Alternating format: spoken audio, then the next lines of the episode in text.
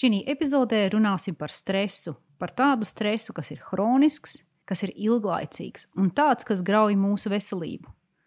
Runāsim par stresu un pandēmiju un par to, ko tu vari darīt, kādi ir praktiski paņēmieni, lai samazinātu stresoru ietekmi gan uz tavu emocionālo stāvokli, gan uz tavu veselību.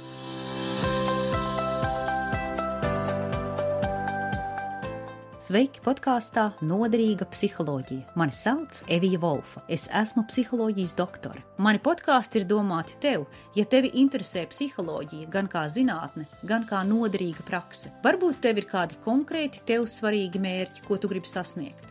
Varbūt tavs galvenais mērķis ir justies labāk. Lai to izdarītu, tev ir jāzina, kā strādā tavs ķermenis, tavas sajūtas, domas un emocijas. Un arī ir jāzina paņēmieni, kurus pielietojot, tu vari mainīt savu ķermeni, apziņu un jūtas. Es ceru, ka informācija, ar kuru es dalos, tev palīdzēs veidot jaunu un pozitīvāku stāstu par sevi.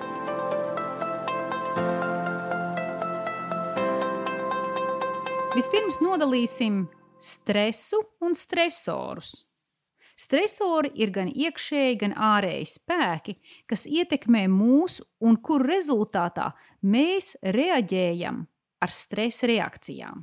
Piemēram, ārējais stresors var būt liels karstums, kas noved mūsu ķermeņus diskomforta un stresa stāvoklī.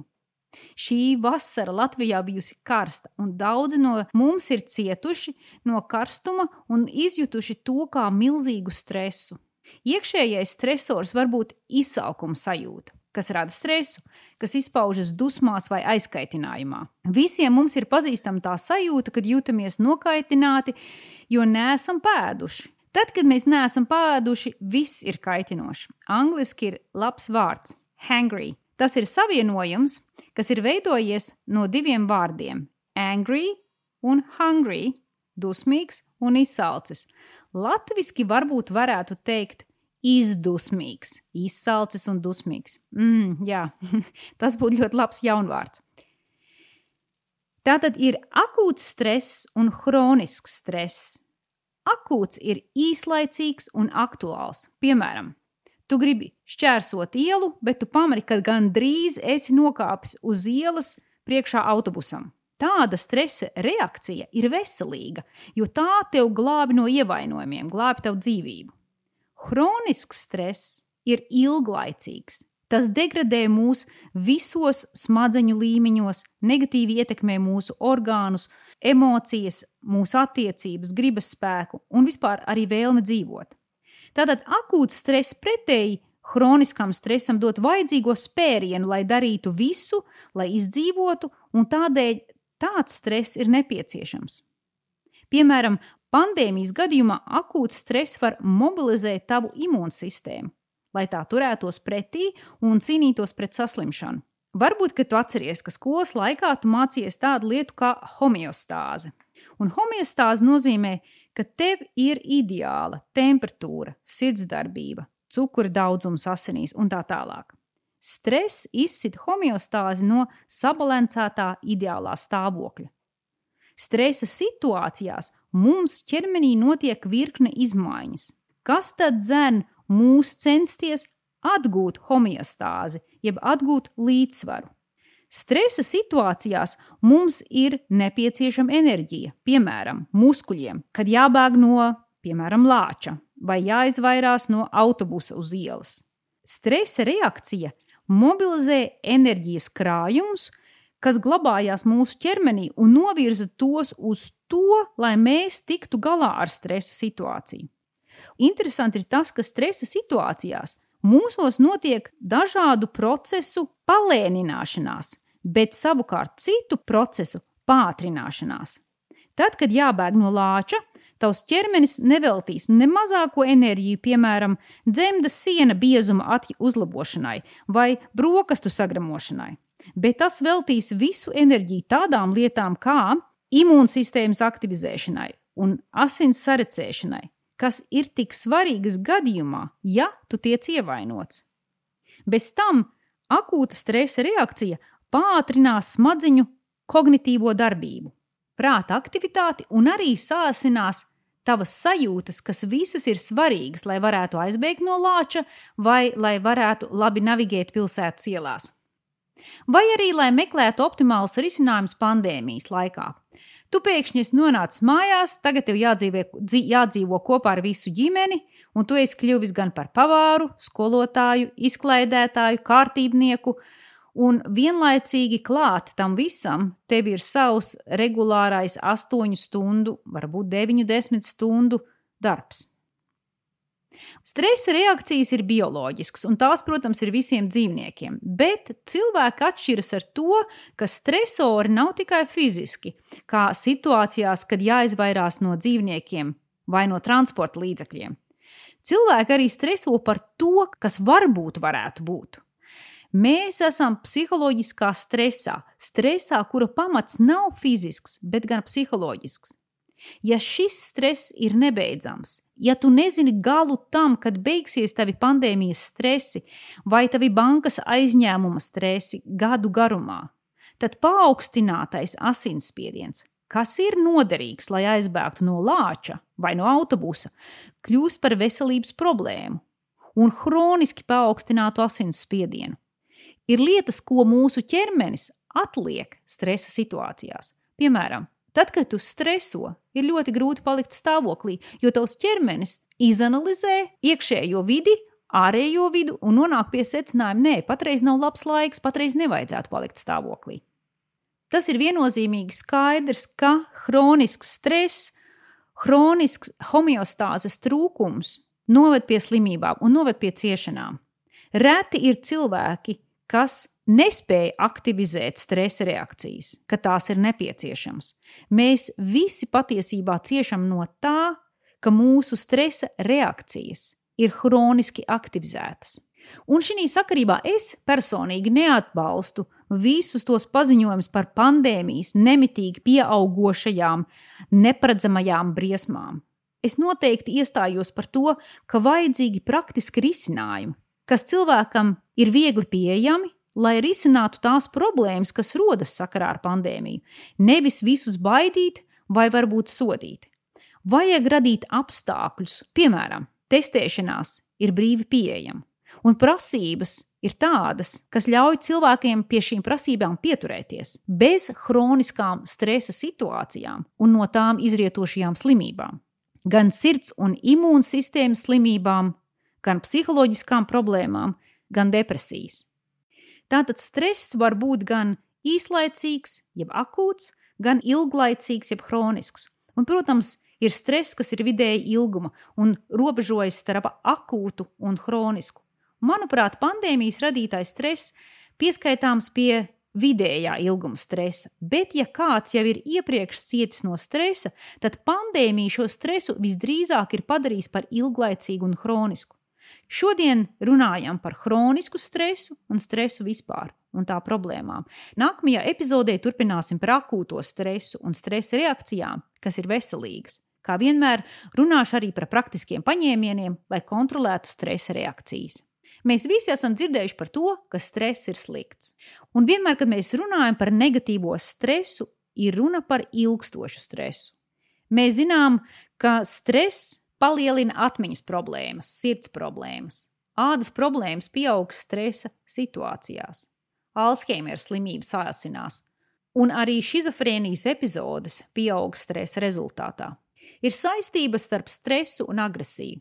No vienas puses ir agresija, kas ir vienkārši instrumentāla. Es gribu to, kas tev ir, bet man tā nav, un tādēļ es tev izknāpšu acis, lai es dabūtu to, ko es gribu no tevis. Bet ir arī citāda agresija, kas rodas tādēļ, ka agresors cieš no stresa. Šī agresija nav personīga, bet tā ir vērsta pret kādu, kas ir vājāks, un tādēļ ka tu esi nokaitināts, vai tādēļ, ka tu streso un tev ir nepieciešams atbrīvoties no stresa, tu uzbrūc šim vājākam cilvēkam, šim vājākam otrajam. Ja, piemēram, lielo žurku nokaitina ar elektrošoku, tad tā uzbruk mazākai žurkai. Ja pieaug bezdarbs, tad automātiski pieaug vardarbība mājās.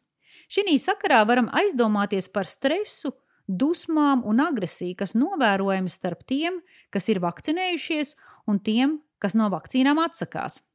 Vieni grib, lai dzīve būtu tā teikt normāla un notiktu pasākumi, varētu brīvi pārvietoties, lai būtu darbs, lai būtu ko ēst, lai varētu ceļot, un tādēļ ir stresā un ir nikni par to, ka citi nevakcinējās.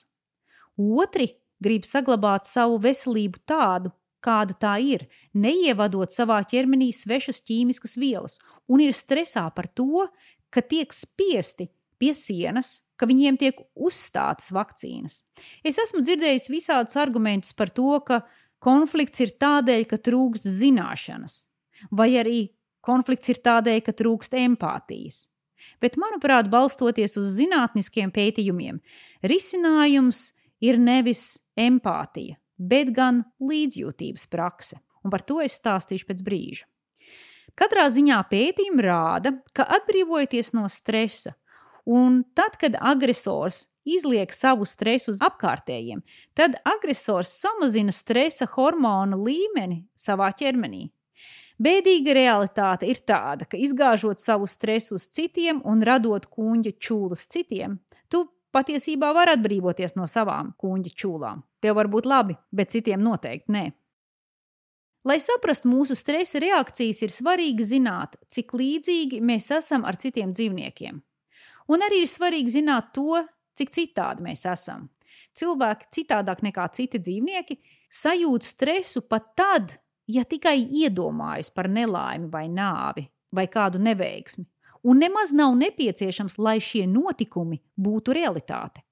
Cilvēki izmanto tos pašus muskuļus kā šimpanzes, uzbrukot otram, bet cilvēks var uzbrukt tādēļ, ka otrs tic citam dievam. Šimpanzēm tādi uzbrukumi un tādi stresi ir absolūti sveši. Lai gan citi dzīvnieki arī nodarbojas ar seksu, tikai cilvēki runā par to, cik tas bijis labs vai slikts. Tikai cilvēki rada ticības un attieksmju sistēmas pret stresu un pret tūkstotis citām lietām. Un tikai cilvēks visu ieliek kultūras kontekstā, sabiedrības un dabas kontekstā un nodod savus uzskatus no paudzes uz paudzi, šādā kompleksā miedarbībā. Te pietiek iedomāties tūkstošu gadu bestselleri Bībeli. Bībeles pastāvēšana viena padara cilvēku par unikālu radību. Tajā skaitā par unikālu radību, kurā ir stress un kura cenšas ar stresu tikt galā. Pandēmijas laikā, kad pandēmija bija patiesībā tikko sākusies, es lasīju ziņās, ka kaimiņi bija ar krāsu noķēpājuši cita kaimiņa autiņu ar uzrakstu: Vācies projām netīrā žurka, jo kaimiņš bija no kādas Āzijas valsts. Tas ir viennozīmīgi, ka pandēmija mūs visus ir ietekmējusi, bet šī ietekme nav bijusi visiem vienlīdzīga. Es esmu arī dzirdējis, ka dzīvošana pa mājām kopā ar bērniem ir bijusi lieliska lieta daudzām ģimenēm. Vienā mierā piecelies, pēc tam visu do, dienu kopā var pavadīt, tik daudz mīlestības, tik daudz tuvuma, kā vēl nekad. Un arī tik daudz laika sev, laika visām tām atliktajām lietām, ko pirms tam esi gribējis darīt, bet kam nav bijis laika. Un tas ir bijis kā vēl nekad, un tas ir bijis lieliski. Bet ir arī daudzas ģimenes, un arī daudz cilvēku, kas dzīvo vieni, kuriem pandēmija sagādājusi reāls problēmas un reālu stresu. Daudzi zaudējuši darbu un zaudējuši ienākumus. Un tas nav noticis tikai kaut kādā tālā zemē, kā piemēram Kubā, kas vairāk kā jebkad cietusi no turistu trūkuma un tādēļ no ienākumiem un pārtikas un zāļu trūkuma. Arī Latvijā daudzi ir varējuši izvilkt, tā teikt, pandēmijas laiku, pateicoties savām ģimenēm, saviem draugiem un viņu atbalstam, vairāk nekā valdības piedāvātajiem risinājumiem. Ienākumu zudums, protams, nav vienīgais, bet ir pamatīgs stresa cēlonis. Esmu arī runājusi ar mamām, tētiem, vecmāmiņām un vectētiņiem, kas ir pārguruši un vairs nevar izturēt ilglaicīgo stresu, kas ir saistīts ar darbu no mājām vai darba vietās apvienojumā ar bērnu skološanu no mājām. Un šie cilvēki man saka, es nevaru vēl vienu gadu tā izvilkt. Man visu laiku sāp galva, man sāp mugura, es nevaru izgulēties, Es nejūtos tik stabils vai tik stabils, lai komunicētos ar citiem vai citiem palīdzētu. Un, protams, no pieaugušo stresa vēl jau vairāk cieši bērni. Varbūt neviens no viņiem nesaslims ar covid, bet stress ir reāla problēma ar bēdīgām sekām. Un tādēļ par to runāju šodien un arī nākamajā epizodē. Informāciju un iedvesmu šim podkāstam es smeļos no pētījumiem un aprakstiem, ko sagādājuši tādi Stanfordas Universitātes profesori kā Roberts Sapolskis un Andrew Huberman.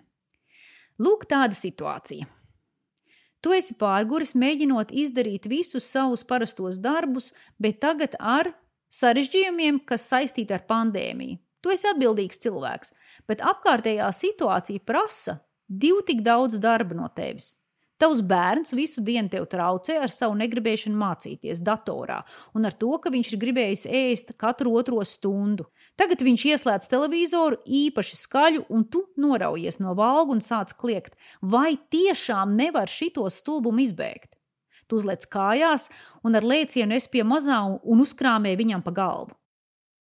Bet varbūt, ka tu viņam neuzkrāmē. Tu uzburkšķi uz visiem un sāc visiem piekasīties, mētājot sīkus personīgus aizvainojumus. Kas notiek tavās smadzenēs? Sekundēs, pirms tu uzdod bērnam pa galvu vai nolamā dzīves biedru caur sakostiem zobiem.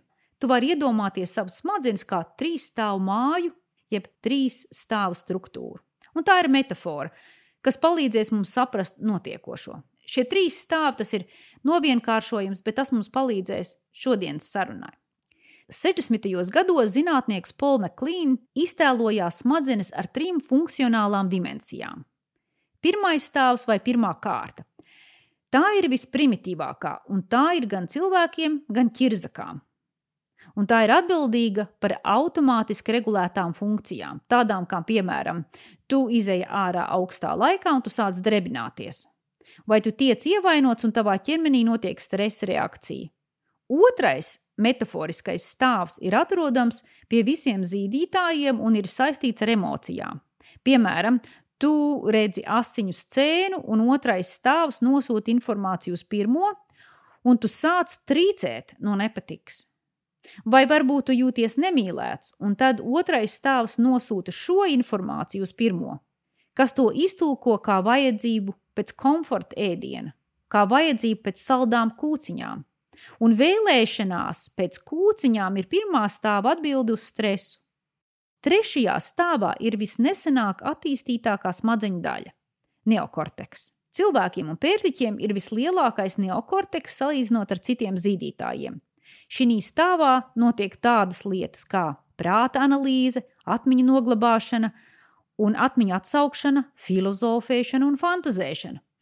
Tu varbūt izlasi kaut ko biedējošu ziņās, un tad trešais stāvs signalizē otrajam, ka ir jābaidās. Otrais stāvs nodod ziņu pirmajam, un tu sāc visi trīcēt. Rokas trīc, ķermenis drēb, un tu svīsti ar augstiem sviedriem. Šī reakcija, izlasot biedējošas ziņas vai vienkārši iedomājoties par kaut ko sliktu, kas patiesībā nemaz nav noticis, ne ar ko neatšķiras no reakcijas, kas notiek tad, kad tev pakaļdzenās lācis. Tas nozīmē, ka mūsu stresa reakcijas ir vispārīgas. Tās nenodala stresorus, neatšķir stresorus kā fiziskus, vai reālus, vai iedomātus, vai kaut ko tādu, ko mēs paredzam, ka nākotnē varbūt varētu būt. Šai vienkāršai metaforai par trim stāviem, protams, ir savs labums, jo ir vienkāršāk par to runāt bet patiesībā tas nav tik vienkārši. Anatomiski visi šie stāvi vairāk vai mazāk pārklājas, un informācija un komandas nenotiek tikai no augšas, no trešā uz pirmo stāvu, bet arī no pirmā uz trešo. Piemēram, ja tu satiec kādu jaunu cilvēku un tev liek šo cilvēku novērtēt, tu novērtēsi šo cilvēku kā vēsu. Ja tajā mirklī tu rokā turēsi glāzi ar augstu ūdeni, Tavas smadzenes iztulkos augstuma sajūtu tavās plaukstās visdīvainākā veidā, attiecinot augstumu uz otru cilvēku, kam patiesībā ar to nav nekāda sakara. Realtāte ir tāda, ka mūsu ķermeniskās darbības, emocijas, domas nav savstarpēji nodalāmas. Nav tev smadzenēs viena centra, kurš ir atbildīgs, atbildīgs par to, vai tu esi nikns vai seksuāli nogribējies, vai nogribis nostalģijā, vai siltu jūtu un mīlestības pārņemts. Mūsu emocijas, mūsu ķermeņa un smadzeņu sistēmas ir ārkārtīgi kompleksas un pavisam nevienkāršas. Kāpēc jārunā par stresu? Varbūt labāk būtu vispār to aizmirst. Jā, būtu jau labi tā varētu darīt un varētu vienkārši stresu aizmirst. Īpaši tajā brīdī, kad tu ļoti streso. Bet realitāte ir tā, ka stresa situācijās mēs parasti pieņemam sliktus lēmumus, nelabvēlīgus lēmumus gan pašiem sev, gan arī citiem. Un šie lēmumi rodas īpašā paaugstinātu emociju marinādē.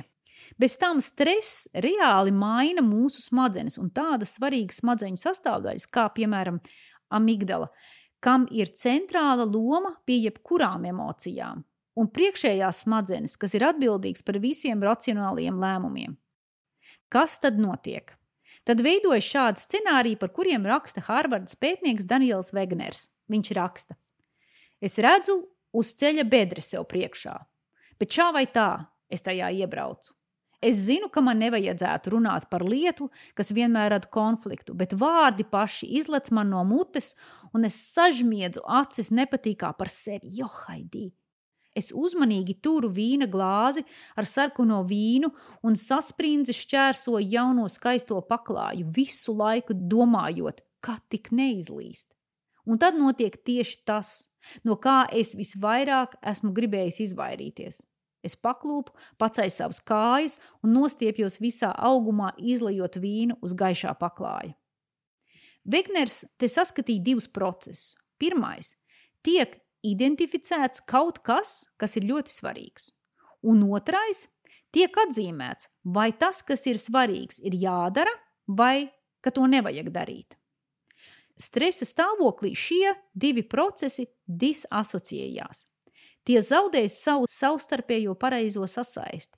Pirmais process, kas paziņo par kaut ko svarīgu, tad vairs nav sasaistīts ar otro procesu, kas saka, ko darīt un ko nedarīt. Disociācijas stāvoklī priekšējās, jeb racionālo lēmumu smadzenes nespēja pieņemt lēmumus. Īpaši tos lēmumus, kas būtu labi un pareizi, bet kurus pieņemt ir grūti. Sakarā ar racionālajām smadzenēm ir jāpiemina dažas svarīgas lietas. Kad es saku, ka racionālās smadzenes ir tās, kas palīdz pieņemt grūtos lēmumus, bet pareizos lēmumus, es nesaku, ka emocijas ir mazāk svarīgas kā prāts. Interesants fakts šī sakarā ir tāds, ka emocijas mūs padara par labiem ģimenes locekļiem un palīdz mums veidot tā saucamās savējo grupas. Bet prāts padara mūs par labiem sabiedrības locekļiem, kur mums jāatrod kopīga valoda arī ar tiem, kas nav tādi paši kā mēs. Tātad gan emocijas, gan prāts ir svarīgi, un katram no tiem ir sava svarīga funkcija. Otra lieta ir tā, ka mūsu smadzenes nav visiem vienādas. Gan struktūrāli, gan funkcionāli. Cilvēki atšķiras viens no otra lielā mērā. Un trešā lieta ir tā, ka augsti attīstītas priekšējās racionālās smadzenes nenozīmē, ka cilvēks ir sasniedzis augstu morālu attīstības pakāpi. Patoloģiskajiem meļiem ir ļoti labi attīstīts priekšējās smadzenes, kas kontrolē gan melīgo stāstu, gan viņa emocionālās reakcijas, gan to ārējās izpausmes. Protams, ka viss tas, kas notiek ar mums stresa situācijās, ir sarežģīta bilde, kuru mēs varam šķetināt tikai pa gabaliņam. Lai arī cik sarežģīti tas būtu, meklēt risinājumus stresa, jo īpaši ilglaicīga un hroniska stresa novēršanai ir ļoti svarīgi. Hronisks stress un arī sāpes noved pie dopamīna hormona samazināšanās. Par dopamīnu nozīmi ķermenī runājam jau iepriekšējā desmitajā epizodē, kad runājam par to, kā iemācīties jaunas lietas un jaunas emocionālās reakcijas. Dopamīns ir motivācijas hormons, Tas mums palīdz darīt lietas, mācīties jauno, iet, celt, nest, izturēt, pat tad, kad ir grūti. Bet hroniska stresa ietekmē dopamīna daudzums samazinās. Un arī dopamīna neironu jūtība samazinās. Tā rezultātā rodas depresija, jeb nespēja just baudu. Tad neko vairs negribas un liekas, ka nekam nav jēgas, ka nekas nav skaists, nekas nav labs un nekas nav vērtīgs. Dopamīna hormons gan nav saistīts ar laimes sajūtu pašu kā tādu, bet gan ar motivāciju darīt lietas, lai sasniegtu šo sajūtu. Kad mēs saprotam, kā stress ietekmē dopamīna sistēmu, mēs arī saprotam, kādēļ stresā marinētās smadzenēs nav gribas spēka. Jo kā lai tas būtu, kad stress ir samazinājis to ķīmisko vielu, kas mums ļauj izdarīt lēmumus par to, kā piespiest sevi šobrīd darīt to, kas ir grūti un kam augļi varētu būt kaut kad nākotnē. Tādēļ stresā marinētas smadzenes izvēlas kaut ko, kas dod momentānu baudu, un bieži tas izpaužas ēšanā un dzeršanā. Tas izpaužas tādās lietās kā zāļu lietošanā vai ķīmisko vielu lietošanā, kas dod lielāku efektu kā ēdiens un dzēriens. Tas arī var izpausties tādās lietās kā pārmērīgā seksā un pārmērīgās citās baudās, kas, protams, noved vēl pie citām problēmām, kā atkarība, liekais svars, naudas izšķērdēšana, neusticība, ģimenes problēmas un tā tālāk. Te es noteikti negribu teikt, ka tiem, kam stresa rezultātā nav gribas spēka, vajadzētu tikai saņemties. Noteikti nekādā ziņā negribu uzlikt vainu uz cilvēku, kas jau tā cieš no stresa. Stresa rezultātā notiek reālas organiskas izmaiņas smadzeņu un visa ķermeņa darbībā. Tās nav tikai iedomas, vai arī muļķīgi nespēja saņemties. Tas ir pierādīts ar tādām medicīniskām metodēm kā magnētiskā rezonance, ka stresa rezultātā smadzenēs notiek organiskas izmaiņas. Un labi ir, ka ir tādas iekārtas, jo citādi tik viegli ir uzlikt vainu uz tiem, kas jau tāpat cieš no stresa. Lai gan tas, ko vajadzētu darīt, ir palīdzēt, atbalstīt un jo īpaši palīdzēt ar praktiskiem risinājumiem.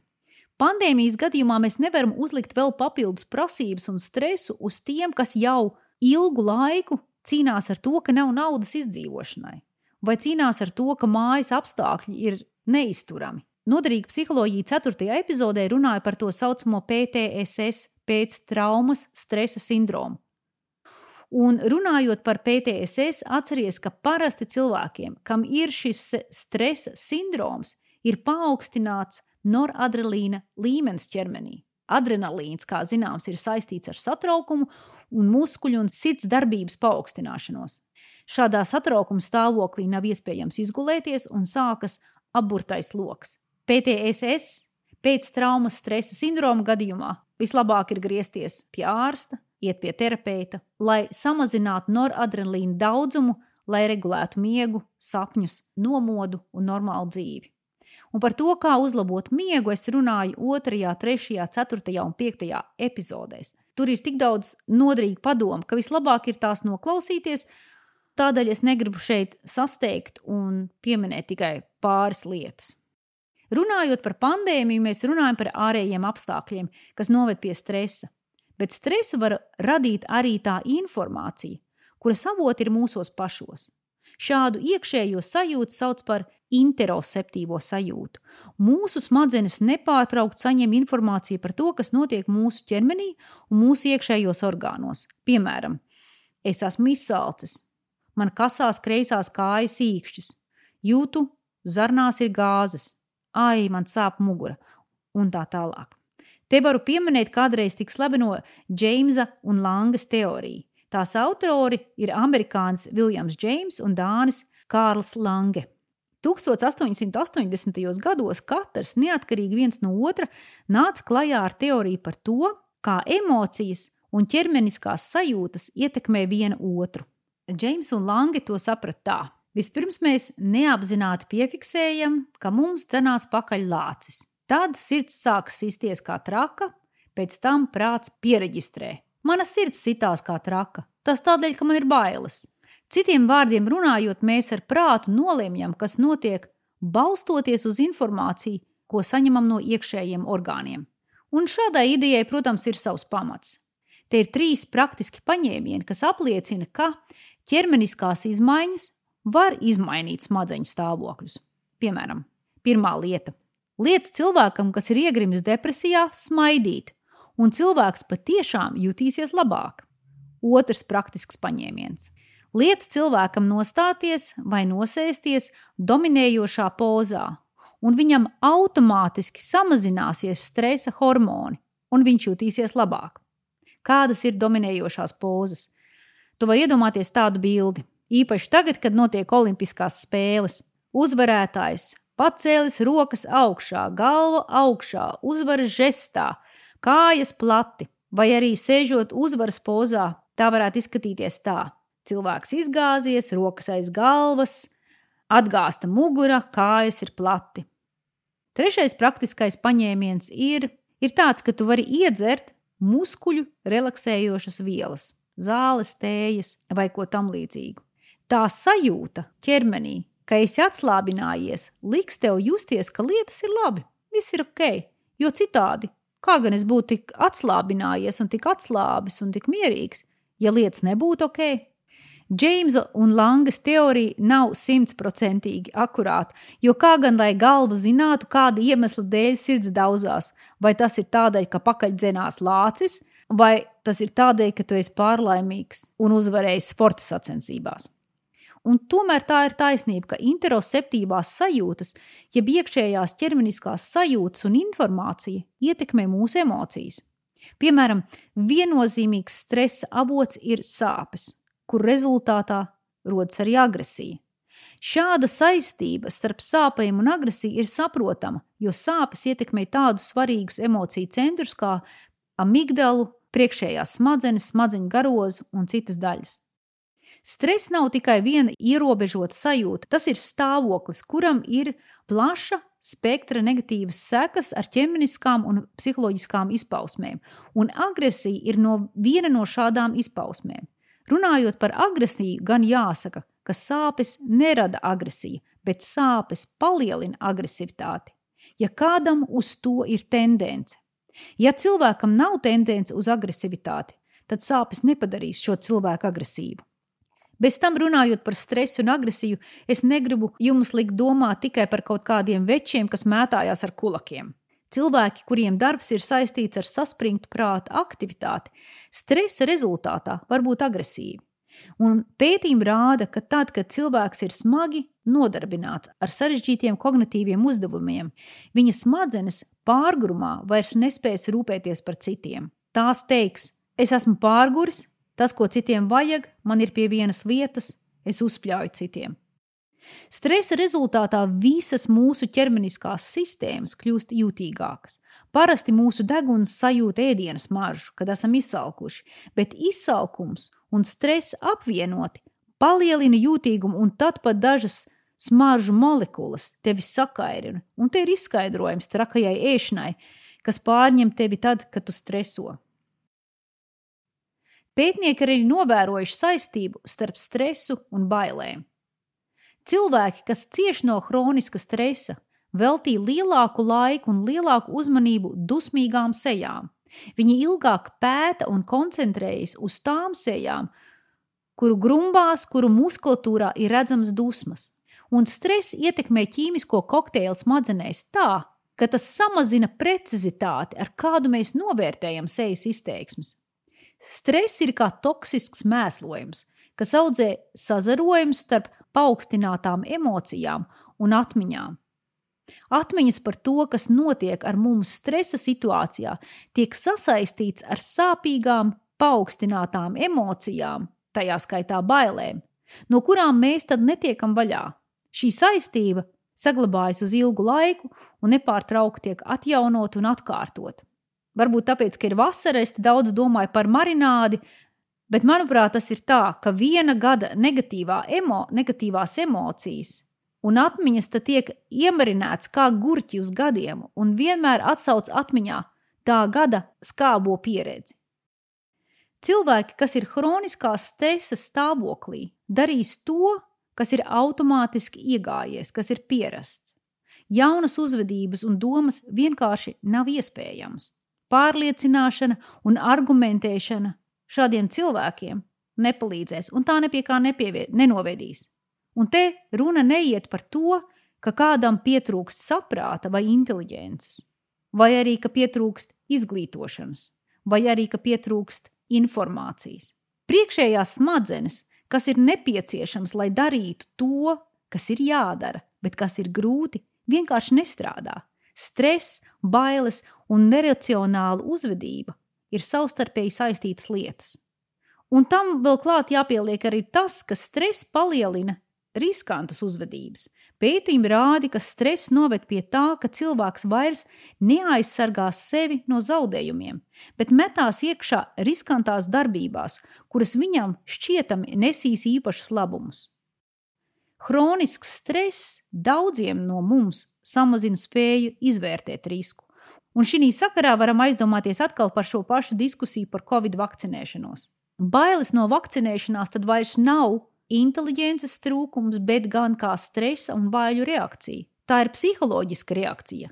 Un šai reakcijai ir savi risinājumi gan individuālā līmenī, gan arī sabiedrības līmenī. Par to, ko varam darīt katrs pats individuāli, lai atgūtu līdzsvaru, lai atgūtu homeostāzi vēl pēc brīža. Runājot par sabiedrības līmeni, te gribu veltīt pāris minūtes, lai runātu par stresu un antisabiedrisku uzvedību. Ilgstoša stresa laikā un ilgstoša stresa rezultātā amigdala mazāk precīzi apstrādā sajūtas un emocionālo informāciju. De, dominē hipokampa funkcija. Tas nozīmē, ka dominē atmiņas un nevis priekšējo smadzeņu racionālā darbība.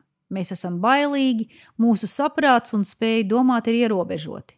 Mēs nespējam savai domāšanai pievienot jaunu informāciju un jaunus datus, un tā ir recepte ātrai, reaktīvai darbībai un arī agresijai. Stress liek lielai žurkai kost mazo žurku, un stress ir arī latviešu sakām vārdu pamatā, kas saka, latvietis ir otra latviešu labākais ēdiens. Iekost otram ir veids, kā tu savu agresiju pārnes uz citu un tādajādi atvieglini savu stresa sajūtu.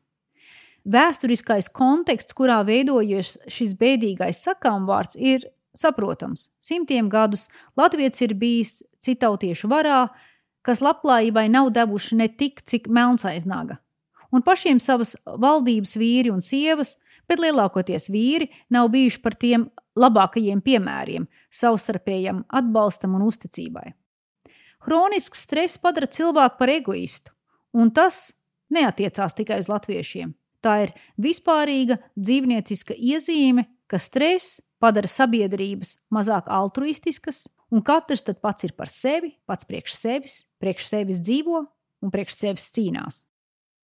Un turpinājumā es runāšu par praktiskiem padomiem, kā palīdzēt sev un citiem mazināt kroniskas stresa reakcijas. Un pirmais padoms nāk no senas budistu prakses, un tā ir tā saucamā līdzjūtības praktizēšana kas atšķirās no empātijas. Un ar ko tā atšķiras? Empātija ir spēja sajust un iedzīvoties otra cilvēku sāpju un arī citās negatīvās sajūtās, protams, arī labās sajūtās. Bet šodien mēs runājam par tām negatīvajām stresa sajūtām. Līdzjūtība ir spēja izjust siltumu pret otru cilvēku. Un pētījumi rāda, ka iejūtoties otra cilvēka sāpēs, mēs paši palielinām arī savu trauksmes stāvokli un palielinam arī nepatīkamās emocijas un ķermeniskās reakcijas paši savā ķermenī un savā smadzenēs. Bet praktizējot līdzjūtību, kā to dara budistu praksē, angļuiski to sauc par compassion training. Amigdalas, jeb emociju centrālā orgāna darbība pieaug nedaudz, bet palielinās priekšējo racionālo smadzeņu darbība.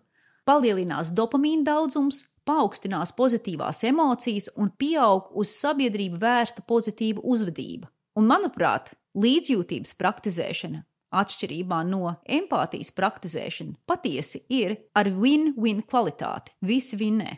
Te padoms tad ir tāds, nevis iejusties cita ādā, bet praktizēt žēlastības sajūtu un līdzjūtību, neļaujoties tam stresam un tām bailēm, kas ir pārņēmis otru cilvēku saglabā savu subjektivitāti un arī objektivitāti arī tad, kad tu praktizē līdzjūtību, izpratni, sapratni par to, kā jūtas otrs cilvēks.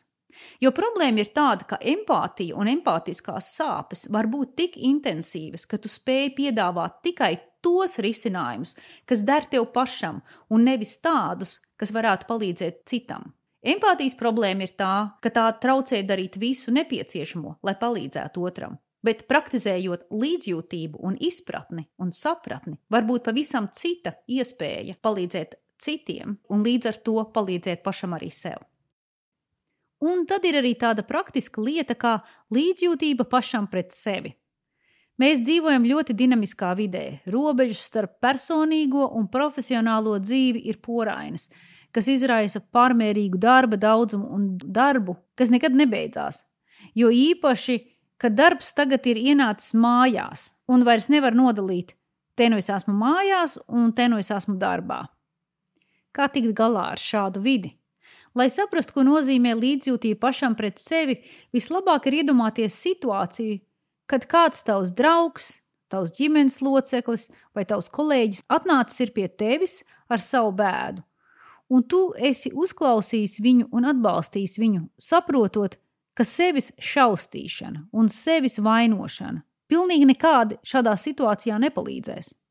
Cilvēki, kur ir attīstījuši šo līdzjūtību pret sevi, ir iemācījušies attiecināt līdzjūtības sajūtu, ko mēs parasti izjūtam pret citiem, paši uz sevi.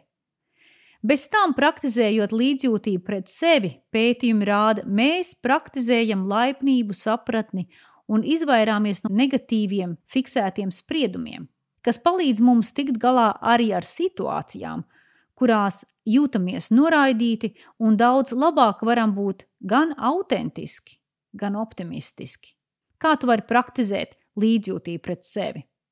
Tu vari regulāri uzdot sev trīs jautājumus. Pirmais jautājums – vai es esmu laipns un saprotošs pret sevi? Otrs jautājums – vai es saprotu, ka trūkumi un neveiksmes ir kaut kas tāds, kas ir raksturīgs visiem cilvēkiem? Un trešais jautājums – vai es novērtēju savas negatīvās emocijas objektīvi? Un vēl ir arī citi izpētīti un pamatoti praktiski padomi. Pirmkārt, ierobežo vēlmi pārstrādāties, jo tas novedīs tevi pie vēl lielāka stresa un izolētības sajūtas. Izturies ar piesardzību pret pārlieku rūpēm pret citiem, kas var novest pie nespējas palīdzēt ne citam, ne pašam sev. Tajā vietā veido draudzības ar cilvēkiem, kuri tev patīk. Tie var būt darba kolēģi, ģimenes locekļi, kaimiņi, vienalga. Cilvēki, kurus tu satiec ārpus mājas, ārpus darba, piemēram, tie var būt cilvēki, kurus tu satiec uh, caur saviem hobijiem vai savām fiziskajām aktivitātēm vai kultūras pasākumiem un tam līdzīgām lietām. Katram mums ir savas lietas, kas mums patīk darīt. Vislabākā ir tāda vide un tādi hobiji, kur tev nav par citiem pārlieku jārūpējās vai pārlieku jāatbild. Man tāda nodarbošanās ir ūdenslīšana. Es tur esmu satikusi savus līdzdomātājus, kam patīk ūdens, kam patīk fiziskas lietas, kas saistīts ar, ūdens līšanu, kam patīk dzīvnieki, kam patīk jūras dzīvnieki. Mēs sarunājamies, mēs arī varam kopīgi klusēt. Tas ir ļoti labs pasākums, jo, kad tu lien zem ūdens, tur nemaz arī nevajag ne ar vienu runāt. Lai gan mēs viens par otru atbildam, katrs pats ir atbildīgs pirmkārt par sevi. Un tā man ir lieliska atpūta, labs hobijs un laba vieta, kur satikt draugus. Kāds ir tavējais? Kādas ir tās lietas, kuras tu dari ar baudu, kas tev palīdz atbrīvoties no stresa? Es ļoti labprāt gribētu, ka tu uzrakst savus komentārus Facebook lapā, un šī Facebook lapa saucās Psihologs Evija Volfa. Savā meklētājā, internetu meklētājā, tu vari uzrakstīt atzīmi, aburtiņa riņķīti apkārt, psihologs Evija Volfa. Un tā tu atradīsi mājas lapu, un tur uzraksta, kāds ir tavs hobijs, kādas ir tās lietas, kuras tu dari ar baudu, kas tev palīdz atbrīvoties no stresa un padalies ar savu pieredzi. Runājot par to, kas palīdz atslābināties un justies labāk kroniska stresa situācijā, ir noteikti jārunā par draugiem un labām attiecībām ar citiem cilvēkiem vispār. Neatkarīgi vai tie ir ģimenes locekļi, vai draugi, vai kolēģi. Īpaši par šīm labvēlīgajām sociālajām attiecībām gribu runāt tādēļ, ka te netiek domātas tās attiecības, kas ir interneta mēdījos, Instagram vai Facebook, bet gan reālās tikšanās un laika pavadīšana tev patīkamās kompānijās. Tās mums katram, protams, būs citādākas. Kā jau minēju, manējās ir saistīts ar aktīvu atpūtu. Citiem, piemēram, manai vīra mātei, kurai ir 92 gadi, tās ir saistīts ar to, ka viņa iet katru sestdienu baznīcu un satiekās ar draudzenēm. Kādam citam tas varbūt ir saistīts ar tango dejām un brīdžu spēli.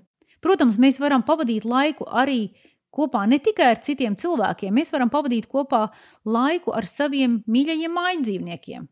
Jo tad, kad mēs to darām, mūsu ķermenī un smadzenēs palielinās serotonīna daudzums, un mums ir sajūta, ka viss ir pietiekošā daudzumā un viss ir labi.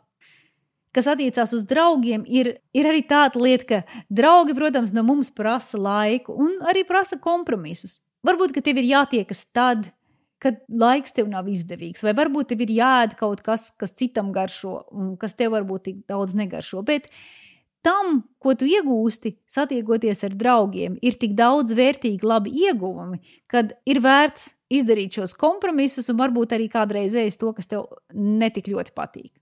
Izolēšanās, norobežošanās, vienpatnība ir saistīta ar tādu negatīvu parādību, kā takikainens molekulas paaugstināšanos ķermenī. Takikainens padara mūs bailīgus un novājina mūsu imūnsistēmu. Es kā psihologs esmu diezgan nobežījusies par to, kā pandēmijas uzspiestā norobežošanās un nošķiršanās starp vienas valsts iedzīvotājiem un vēl jau vairāk no citiem pasaulē ietekmē mūsu sajūtas un cik ļoti pieaugušās bailes no citiem. Mūsu ķermenī paaugstina šīs molekulas, šīs takikainēnas molekulas daudzumu un kā šī molekula mūs padara bailīgus un kā šī molekula pavājina mūsu imūnsistēmu jo takikainens izdalās tik līdz mēs esam sociāli norobežoti. Jo ātrāk mēs varam atkal satikties ar citiem, jo ātrāk mēs varam sēsties pie viena galda un kopīgi ēst, jo labāk.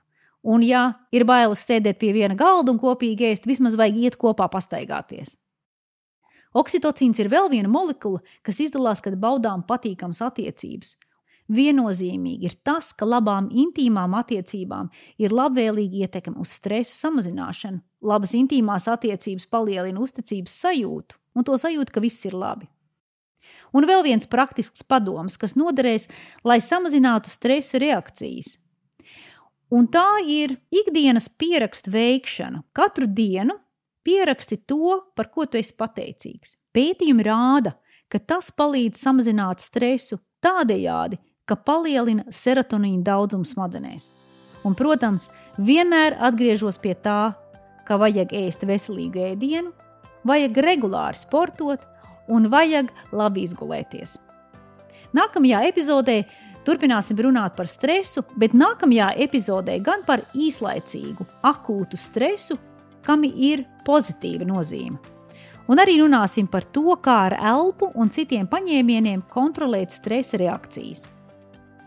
Paldies, ka klausies! Ja tev šī informācija likās interesanti, ja tā tev ir noderīga, paraksties un saņemsi ziņu par to, kad iznāks jaunās epizodes. Stāsti arī saviem draugiem par šo podkāstu, arī citiem cilvēkiem, kam šī informācija varētu noderēt. Sūti viņiem linku, lai viņi klikšķina un klausās. Apciemo Facebook lapu at psihologs Evija Bolfa Seko šai lapai. Tur es parasti ielieku ne tikai informāciju par jaunāko epizodi, bet arī citus paziņojumus. Un tur es dalos ar atziņām, kas, manuprāt, ir noderīgas psiholoģiskai veselībai. Paldies vēl vienreiz, un līdz nākamajai reizei!